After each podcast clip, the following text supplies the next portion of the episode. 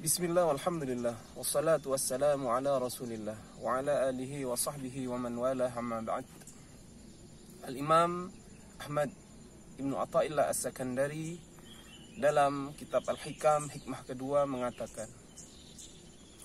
Iradatukal tajrid ma'a iqamatillahi iyyaka fil asbab min asyahwatil khafiyah wa iradatuka al asbab ma'a iqamatillahi iyyaka fit tajrid inhitatun anil himmatil aliyah.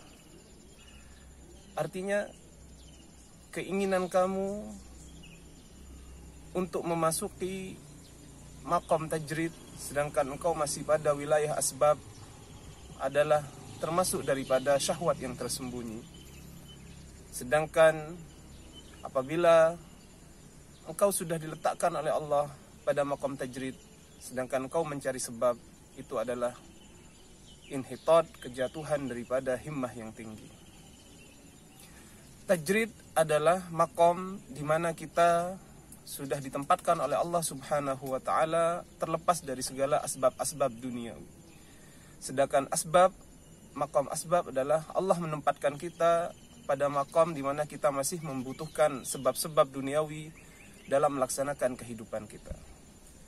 Contoh gampangnya misalkan ada seseorang yang sudah berkeluarga dan memiliki tanggungan nafkah yang harus dia belanjakan kepada keluarganya, yang harus dia berikan kepada keluarganya. Maka orang ini pada posisi makom asbab.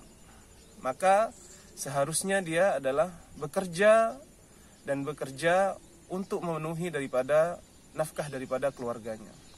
Namun apabila orang ini kemudian beralasan meninggalkan semua asbab kemudian bilang rizki semuanya ditanggung oleh Allah Subhanahu wa taala, kemudian dia hanya salat saja, hanya zikir saja, kemudian meninggalkan seluruh sebab-sebab dari bekerja itu, maka orang ini yang dia lakukan seakan-akan adalah bentuk ibadah tapi maksud atau sebenarnya itu adalah syahwat yang tersembunyi.